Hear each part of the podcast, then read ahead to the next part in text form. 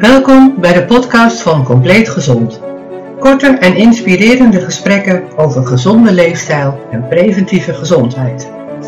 Host is Bea Pols, leefstijlcoach, orthomoleculair therapeut en docent. Meer over mij kun je vinden op compleetgezond.nl of volg me op sociale media. Veel luisterplezier! Welkom bij een nieuwe podcast van Compleet Gezond. Gast is deze keer Michael Poog. Michael is eigenaar van de praktijk Een Huis Vol Adem.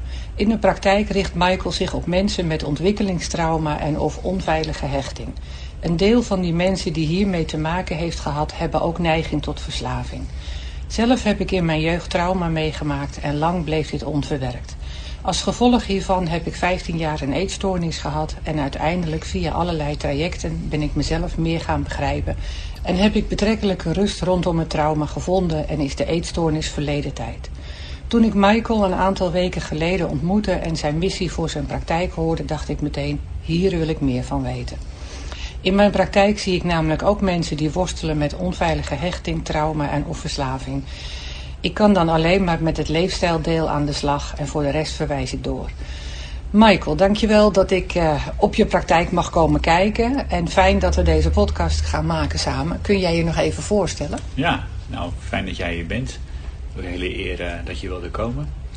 Dus mijn naam is uh, Michael Poog. Mm -hmm. Ik ben 36 jaar uit Herugewaard. En ja, zoals je zegt, eigenaar van, of mede-eigenaar van Huis Vol Adem. Mm -hmm.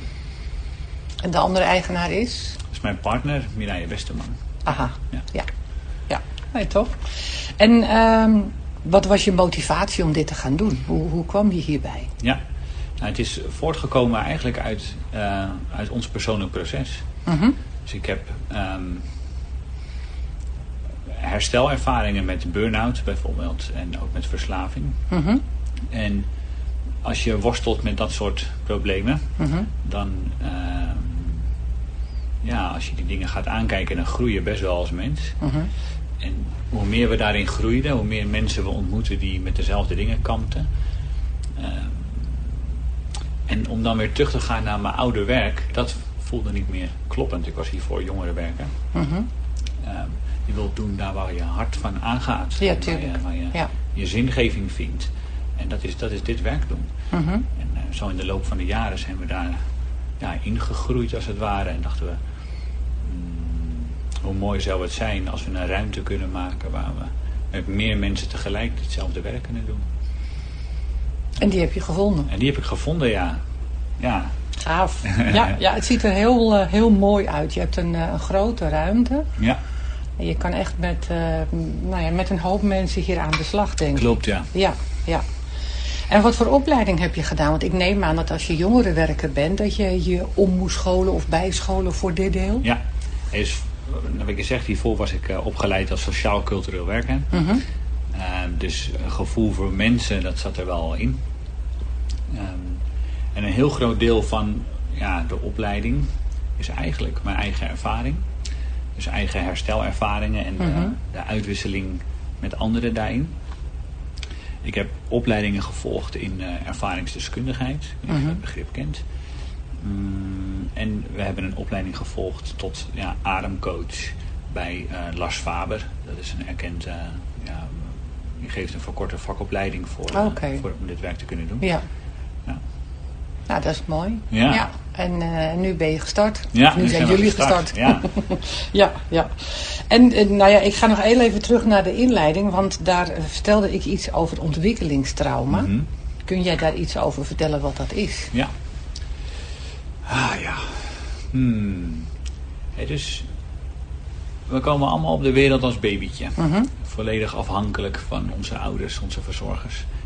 En zodra we in de buik zijn en na de geboorte en onze, de tijd daarna, hebben we, maken we specifieke ontwikkelingen door in, onze, in het opgroeien in mens zijn. -hmm.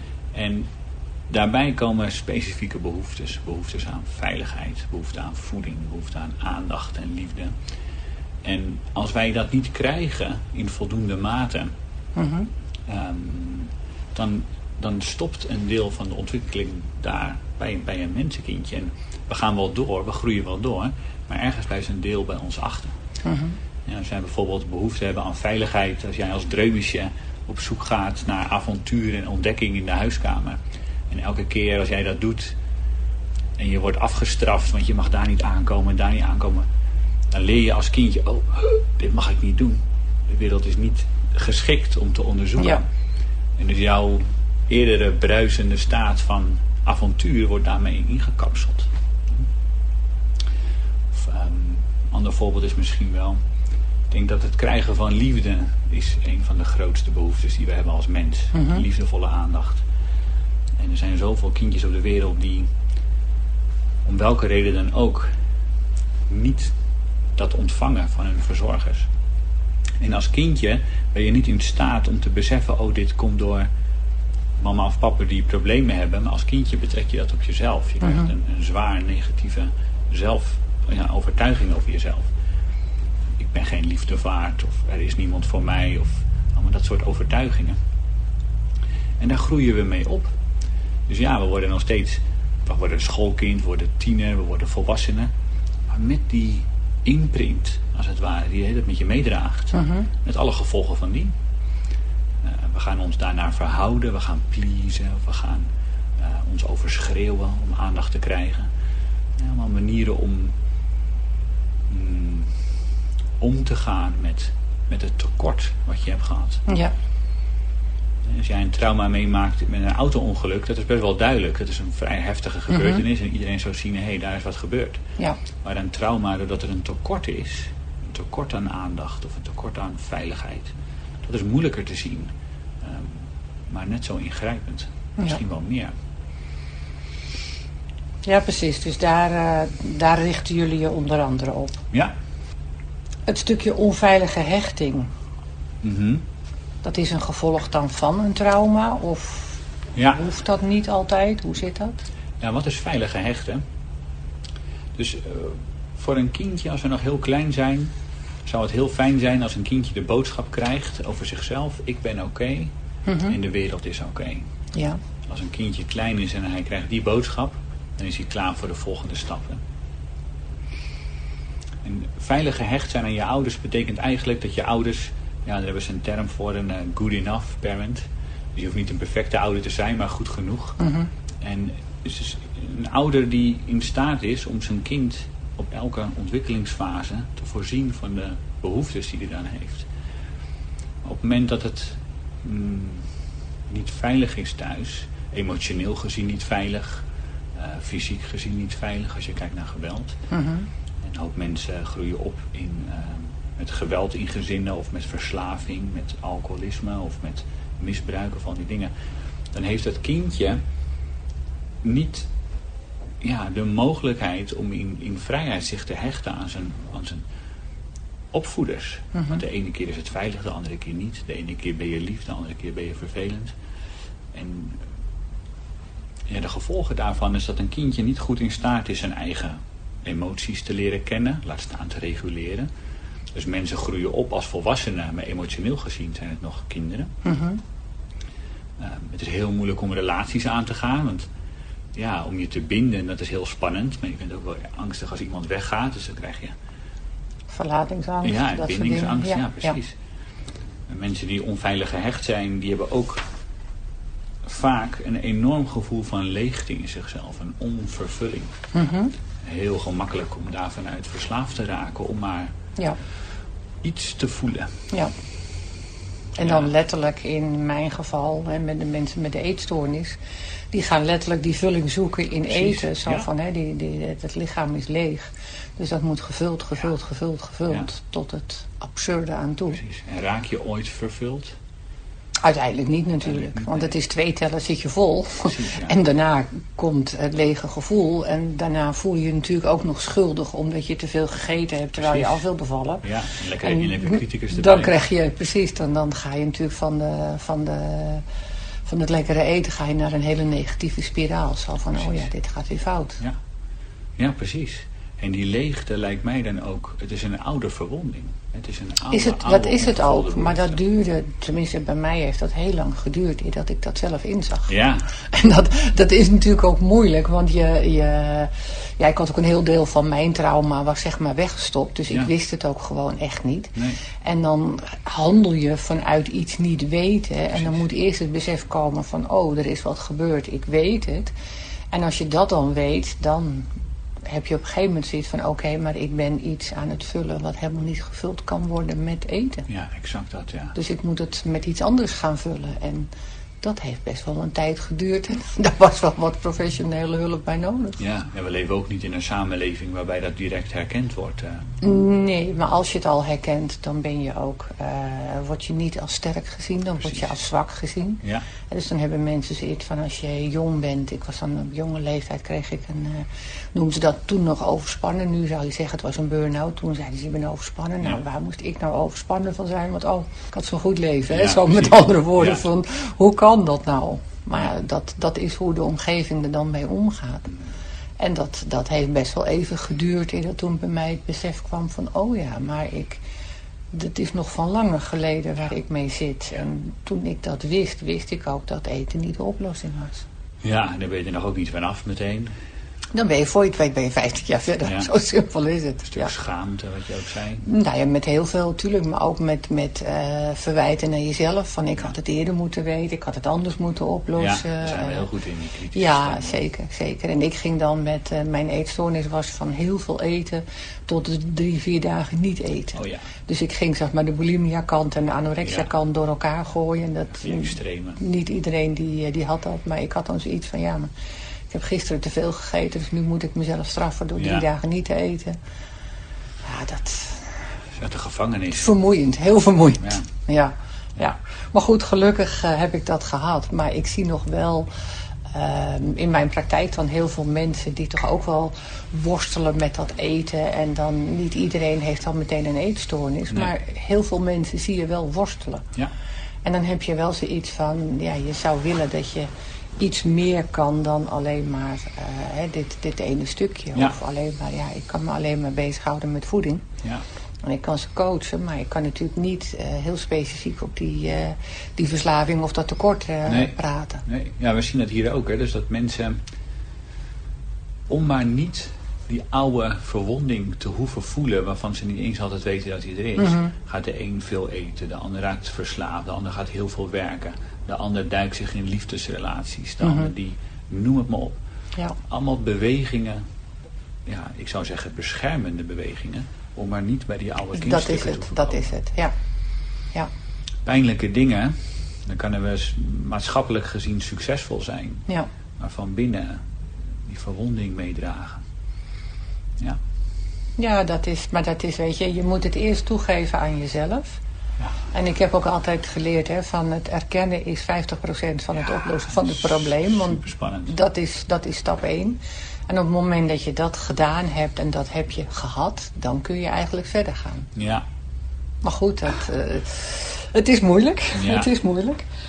En maar vertel eens in jouw praktijk, hoe, hoe, eh, hoe gaan jullie te werk? Wat doen jullie? Mensen komen voor een intake, die melden zich aan en dan? ja. Er is mensen die mm, weten niet altijd waar ze zich voor aanmelden, Mhm. maar ze voelen wel eh, vaak een soort van roep of een soort van aantrekking daarna. Ehm, dus wij proberen mensen op een lichaamsgerichte manier te benaderen. En hier tegenover is de GGZ. Ja, En daar kan je naartoe en daar zijn heel veel methodes en, eh, en therapieën. En heel veel is daar is heel talig. Mhm. En dat is echt helemaal oké. hè. Op de talige laag kunnen we heel veel doen. Mhm. Ehm, maar er zijn een aantal gebieden in ons mens zijn die we met taal niet gaan bereiken. ja, En dat is vooral het lichamelijke stuk. Dus op het moment dat we in ons hoofd begrijpen waarom wij een eetstoornis hebben, of een verslaving hebben, dan hebben we nog steeds niet altijd contact met de fysieke sensaties die horen bij het voelen van die leegte, Mhm. bij het horen van bij die schuld. Dat zit vaak dieper. En dat klopt volgens ons ook, want als wij als kindje, zeg vanaf baby of misschien iets daarvoor, tot een jaar of zeven, dan zitten wij nog niet echt in die denklaag. En die denklaag in ons brein is de neocortex. En die is vanaf een jaar of zes, zeven wordt die pas echt actief. Dus dan krijg je pas echt gedachten zoals wij die nu hebben. Daarvoor zit je in het limbisch systeem vooral. Dat is het gevoelsbrein. En dat is net een spons. Dus die eerste zeven jaar zuig je alleen maar op. Alles wat je in de wereld is gewoon waar voor jou. En dat neem je allemaal op als, als waar. Zonder dat te betwijfelen of op te reflecteren. Het is gewoon naar binnen. En dat doen wij niet per se met woorden. Dat is eerder met sensaties, met lichaamsgewaarzijn hè, als kind. Dus als er in die zeven jaar dingen zijn gebeurd ehm, die een imprint hebben achtergelaten in jouw systeem, in jouw zenuwstelsel, in je spieren, in je adem. Ehm, dat is niet de taal van woorden. Dat is de, de taal van spanningen, de taal van uh, lichaamsgewaarzijn. Hè? Um, dus op die laag proberen wij iemand te benaderen. Mm -hmm. We hebben bijvoorbeeld wel eens gehad, ik geef dit voorbeeld wel eens vaker. Een, een mevrouw die elke keer als hij voor een groep spreekt, en dat deed ze voor haar werk, een choke in haar keel kreeg. Okay. Elke ja. keer. En ze snapte niet goed waarom. Nou, dan vragen wij grofweg wat informatie, maar in grote lijnen. Wat we vrij snel doen, is haar vragen haar ogen te sluiten. Kijk eens of zij met haar aandacht contact kan maken met dat gebied in de keel. Door op te merken hoe dat fysiek voor haar aanvoelt. Mm -hmm. Zegt ze, ja, ik voel een brok. Zeg ik, check eens, is het echt een brok? Oh nee, nee, het is meer een snoer. Een snoer wat hier beknelt. En dan vragen we haar daar contact mee te maken. Gewoon puur met je aandacht voelen. Mm -hmm. Fysiek voelen. En dan vragen we haar rustig te ademen. En voordat ze het weet, kreeg ze herinneringen van toen ze nog jonger was. En elke keer als zij op een uh, familiefeestje was en ze wilde wat zeggen, dan was er een oom die haar altijd goed bedoeld, maar een beetje te kakken zette, belachelijk maakte. En dat was zo'n schaamtevolle gebeurtenis voor haar, dat zij heeft op dat moment, ja. kon ze haar stem niet meer gebruiken. Dus elke keer als zij in een soortgelijke situatie komt, zegt haar brein eigenlijk, hé hey, opgepast, dit is een gevaarlijke situatie. Ja. En die reageert zoals het toen ook deed met die choke. Nou, als dat geactiveerd is, zoals wij dat noemen, als je dat goed kan voelen, dan laten we het daarbij. Ja. Dan vragen we mensen, we hebben matrasjes liggen, -hmm. om op een matras te gaan liggen en voller te gaan ademen. Verbonden ademen, doorademen. En het mooie wat er dan gebeurt is dat het lichaam zakt uit de denklaag. Dat, -hmm. komt, nou, dat is een technisch verhaal, maar het is met zuurstof en stikstof te maken in je brein. En die gaat naar het limbisch systeem toe. Je zakt daarin. En die gaat materiaal loslaten wat daar vast zit. Ja. Dat is met trilling, dat is met geluid, dat is met emotie. Nou, met één iemand is dat vrij uh, intens. Maar als je dat met tien of met twintig man doet, is het een ware heksenketel aan, uh, ja, aan release. Ja, aan het ja. loslaten van... Daar komt een hoop boosheid bij. Mm -hmm. Een hoop verdriet. Uh, ja, maar soms ook extase. Mensen kunnen in prachtig lachen terechtkomen. Van, en dat heeft een heel bevrijdend effect. Als je dan, toen wou die mevrouw vroeger daarna naar zo'n sessie, goh, hoe voelt, die, hoe voelt je keel nu? -hmm. En die voelde veel meer open. Haar stem klonk, zeg maar, dieper en kalmer. En haar hele gelaat, haar hele gezicht, had een hele laag spanning was eruit. -hmm. Dus dat is de ene kant van wat we doen. Ja. Op die lichaamsgerichte laag nodigen we het lichaam uit om bewegingen af te maken, om dingen los te laten. Door middel van die, dat intensieve ademen. Ja. Maar ja, dan heb je ineens te maken met een verwond deel in jezelf. Want zij heeft ontdekt dat dat eigenlijk Ja. ging over een klein meisje in haar. Ja. En dat kleine meisje in haar kon zij dus nu gaan voelen. Ik denk, hé, hey, er is een, een deel in mij dat verwond is. En dat beïnvloedt mijn volwassen leven. Kan ik zorg gaan dragen voor dat deel in mij? Zodat het geheeld kan worden. Ja.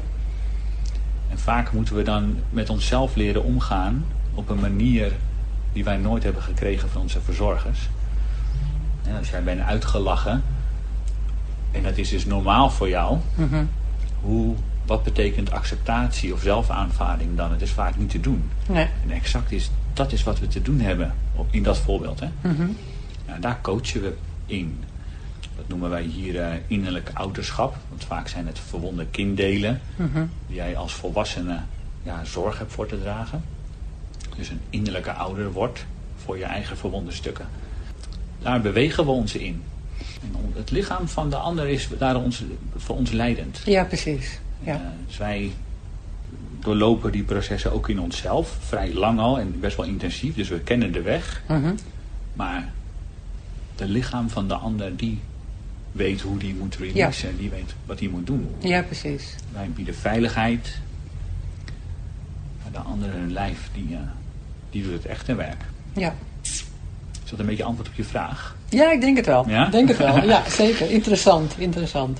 Ik zag ook op je website, eh, of op jullie website moet Mhm. ik zeggen, zag ik ook wat eh, aanbevolen literatuur staan. Ja. Voor mij sprongen er twee boeken uit. Eén is Traumasporen. Ja. Kun je er wat over vertellen? Ja, best wel van de kolken. Dus je hebt mensen die echt ja, voorlopers zijn in ehm, het Mhm. werk wat ik hier nu beschrijf.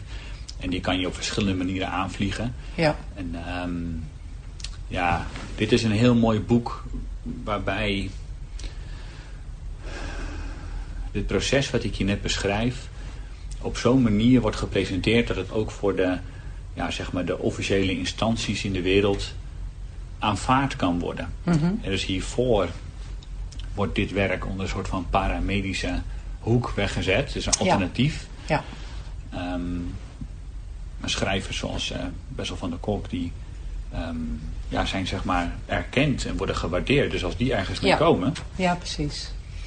eh, dan wordt er naar geluisterd. Ja. Maar dat wordt wetenschappelijk onderbouwd. En het is, ja, het is een heel rijk boek die het belang van het lijf en de samenhang ervan mee met de adem en met het zenuwstelsel en met ja, zoveel dingen hangen samen. En dat wordt daar heel behapbaar eh, neergezet. Ja. Ja, daarom. Dat, is, eh, dat maakt het inderdaad mooi. Hè? Want voorheen was het zo van... Als je dan zei van, joh, je hebt het over trauma... dan hadden mensen iets, oeh, eng en naar en weet ik het. En Ja. op deze manier heb je eigenlijk zoiets van... het wordt veel toegankelijker. Zeker, En ja. Dat is natuurlijk wat we, wat we zouden moeten. Precies, ja. Als we naar zouden moeten kijken. En dan kan je een beetje wegblijven uit ehm, diagnoses. Mhm. Heel veel verschillende diagnoses. Maar kan je terug naar, maar hoe is dit eigenlijk voor jou? Wat betekent dit voor jou? En hoe is dit in je lijf? Ja. En laten we eens daar contact mee maken.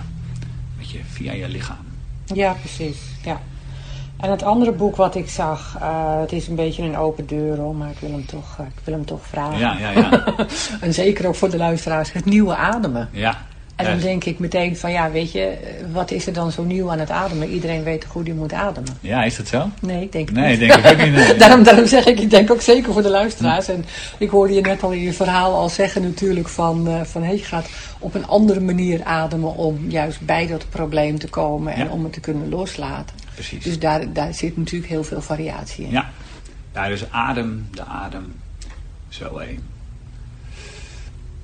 Hey, dus adem gaat eigenlijk vanzelf. Mhm. Dat is een heel groot deel van ons, ons autonome zenuwstelsel, regelt dat. Ja, En je kan van geboorte tot ja, je sterfdag, kan je, heb je heel je leven geademd. Mhm. Maar misschien geen één bewuste teug genomen.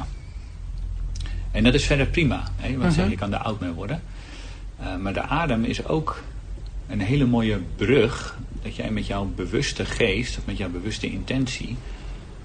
ehm, jouw zenuwstelsel en jouw organen en de werking van je lichaam kan beïnvloeden. Mhm. Dus bijvoorbeeld voor elke emotionele staat heeft jouw lichaam een bepaald ademritme. En boos ademen, verdrietig ademen. Als jij, als jij je ogen dicht hebt en dan kan je horen iemand is verdrietig daar aan de manier hoe die ademt. Als iemand op je afkomt, dan kom je al snel in Ja. die... Wat gaan we doen? Dan gaan we vechten of vluchten, toch? precies. Ja. Dus dat wetende betekent dus dat heel veel ja, problemen die eh, wij ervaren in onze gezondheid, Mhm. onze mentale gezondheid, emotioneel gezien, maar ook zeker fysiek, ehm, benaderd kan worden via de adem. En dus we hebben hier wel eens iemand gehad die ehm, heel, heel slechte werking van de darmen had. Mhm. Een heel slechte werking. En als je haar zag ademen, dan ademde ze tot net boven de borstbeen. Ja, Heel oppervlakkig. dat is heel hoog. Ja. Ja. Dus dat betekent dat al die spieren tussen de ribben, de middenrif, ook hier, dat dat helemaal niet gebruikt werd. Mhm. eigenlijk had ze een soort van panzer Ja. in het weefsel. Dus als je haar wat voller liet ademen, alleen maar niet eens in trance, gewoon voller ademen, Mhm. dan ervoer zij al die spanning en angst wat daaronder zat. Mhm. Want wat bleek, diegene had een enorme angstige ja, snoer in de buik. Was super bang. En als je vraagt waar voel je dat in je lichaam, was het onder in de buik. Ja. Dus daar gebeurde helemaal niks. Haar hele darmstelsel was ja, verarmd. Omdat daar zat die verkramping. Mhm. Nou, dan kunnen wij dat op de taallaag gaan vragen. Goh, wat is er allemaal gebeurd waarom je zo bang bent? Kom je niet bij. Nee, Waarschijnlijk. nou ja, maar dan raakt ze misschien wel in paniek Ja, of zo. ja. Als je heel rustig, hebben we haar, haar adem laten vergroten. Heel rustig Mhm. aan. Rustig muziekje erbij. We zaten in een veilige setting. Heel rustig. Misschien een hand erbij. Heel veel emotie wat vrij kwam. Ja. Als we haar dan nog voller lieten ademen, op de manier die ik je net beschreef, ja, kon er angst worden losgelaten. En zij had heel erg behoefte aan nabijheid. Hè, dat er iemand voor de was als ze bang was. Mhm. Dus dat konden we haar bieden. Ja. We waren bij haar. Wat bleek daarna? Dat angstige deel in haar kon zij nu voelen. Eerst was ze die angst. Nu Mhm. kon ze zeggen, hé, hey, ik voel hem hier. En kon zij als volwassene daar zorg voor dragen. Hé, hey, dat heeft te maken met grens bewaken. Ja. Het heeft te maken met, ik heb nooit van mijn behoeftes uitgekomen. En verrek, dit hele gebied bij haar begon langzaam maar zeker te ontspannen. Niet na één sessie, er werden twee of Mhm. drie in gedaan. Ehm, wat maakte dat haar darmen weer konden herstellen? Eh, niet zoals het was oorspronkelijk. Dat is wel een beetje, ja, hoe moet je dat zeggen? Het bleef geprikkeld. Mhm. Ongelooflijk veel beter dan dat het was. Ja. Met alle gevolgen van dien. Want als jouw darmen het beter doen, dus voeding wordt beter opgenomen. Hè? Ja. Zo kon haar grenzen beter voelen. Ja. Nou, dat veranderde alles. Door een beetje voller te ademen. Ik maak het heel eenvoudig nu, hè. Maar Mhm. dat Ja. is het nieuwe ademen. Dus James Nestor spreekt niet per se over dit proces. Mhm. Hij spreekt over heel veel processen. En wij gebruiken hem op die manier. Ja. Ehm, dus we hebben hem op de website staan als een soort van ingang. Als mensen dat interessant vinden. En ze ontdekken dat, er dus, dat je dingen kan doen met je adem. Mhm. Ja, daarvoor staat hij daar als uitnodiging. Ga eens kijken. Ja. Dus, eh, Een stukje, een stukje bewustwording voor ja, mensen. Ja. precies. Ja. Ja, Nou ja, dat is hetzelfde wat ik met een podcast wil bereiken. Hè? Dat mensen ook eens gaan nadenken over Mm. dat er meer mogelijk is. Want anders heb je zoiets van, je, je denkt altijd maar op dezelfde manier. Mhm. En dan denk je, joh, je blik verruimen, gewoon eens wat andere dingen doen. En, eh, ja, als je daar aan toe bent, zeker doen. nou ja, precies, dat is, het, eh, dat is het leuke. Kun jij nog heel kort iets vertellen over jullie toekomstplannen? Ja. En dus wij hebben hier nu een eigen praktijk. Mhm. En de bedoeling, of ja, ons, het- ons toekomstbeeld is dat we dit een flink aantal jaren gaan doen. Wij willen hier een plek opbouwen waar eh, mensen naartoe komen om op deze manier aan zichzelf te werken. Mhm. En groeien in hun mens zijn via verwondingen. Dus Ja. via, via pijnlijke stukken. We willen hier een plek scheppen waar ook vrijwilligers kunnen komen. Er zijn een hoop mensen die niet in loondienst kunnen, Mhm. maar wel hard hebben voor mensenwerk. Ja. En dus daar willen we ook ruimte voor bieden om ons, ja, ja, ja, om zeg maar een soort, nou, gemeenschap is een groot woord. Maar een gevoel van samen zijn. Dat we met elkaar, voor elkaar dezelfde weg lopen. Ja, Nou, een hele verre toekomstmuziek is wanneer we hier klaar mee zijn. En dan zouden we graag mensen willen opleiden om dit werk te doen. ja precies. Maar dat is echt pas. Eerst maar eens een oude rot in het vak worden, toch? Ja, ja zeker. Dus, eh, Ja, leuk, leuk. Ik ga je volgen. Ik ga jullie Ja. volgen. Heb jij tot slot nog een, eh, een gezondheidstip voor de luisteraar? Oeh, een gezondheidstip. Nou, wat, dat klinkt misschien heel cliché. Ik weet niet precies hoe je het zit met jouw luisteraars, maar wij proberen mensen gewaar te maken of te helpen worden de signalen die hun lichaam geeft. Mhm. En mm, kijk eens of je daar wat aandacht aan kan besteden. Als je merkt, oh ik vind dat wel een oké iemand, dus ik ga dicht naast hem zitten. -huh. Maar voelen ze in je lichaam. Is je lichaam, voelt je lichaam zich ook wel veilig bij diegene? Soms komt dat helemaal niet overeen. Of soms hebben we heel erg zin in een stuk taart of iets anders. Maar voelen ze in je lijf. Is dat wat je lijf nodig hebt op dit moment? En misschien merk je, oh, dat begint al te krampen. Oh nee, dat gaan we niet doen. Er zit zoveel wijsheid in, in ons zenuwstelsel, in ons lichaam. Dat als we daarna leren luisteren, denk ik dat we um, nou ja, een enorme bron aan wijsheid kunnen aanboren die je gewoon bij je hebt. Uh, ja. Dat is een goeie. Dankjewel. Alsjeblieft. En uh, nou, dank uiteraard uh, voor, uh, voor de uitleg. Waar kunnen mensen meer informatie vinden? Wat is ja. je website? Onze website is huisvoladem.com. Ja, daar kunnen mensen rondsnuffelen om te kijken wat we aan het doen zijn.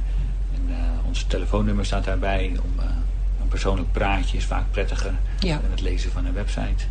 Dus ja, mensen zijn welkom. Is goed. Ik ga de website erbij vermelden. Dankjewel voor, uh, voor de uitnodiging dat ik hier mocht komen. Ja, graag gedaan. En uh, wie weet, uh, tot ziens. Ja, tot ziens. Doeg. Hoi. Bedankt voor het luisteren naar de podcast van Compleet Gezond. Meer informatie kun je vinden op compleetgezond.nl.